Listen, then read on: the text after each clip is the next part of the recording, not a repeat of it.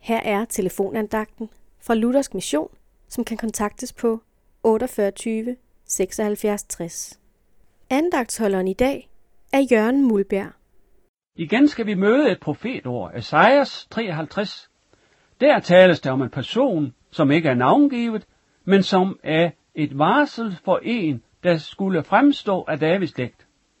Det, der skulle komme til syne, havde ikke nogen ydre tiltrækningskraft, men regnede ikke denne person for noget i forhold til det, som han oprindeligt var og stadig er. Han blev gennembrudt, han blev knust, han blev straffet, alt sammen skete det for menneskeslægtens skyld. Vi forstod det ikke, vi vendte os bort fra ham, men Herren lå falde på ham, den skyld, der lå på os alle. Et profeti, ja, men godt 700 år efter gik det i opfyldelse. Jesus var manden, som Esajas profeterede om. Han kom til jord som Guds enborne søn. Han kom til sine egne, jødefolket, men de tog ikke imod ham.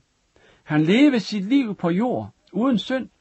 Han havde guddommelig magt til at helbrede syge, havde magt over døden, men selv måtte han igennem døden være forladt af sin himmelske far, døde på Golgatas kors, lagt i graven.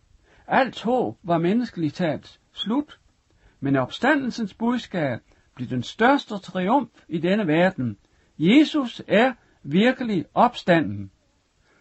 Og det er meget vigtigt for os, at vi får lov til at høre dette budskab. Det er noget uendeligt stort, at vi lærer Jesus at kende og er kendt af ham. Amen.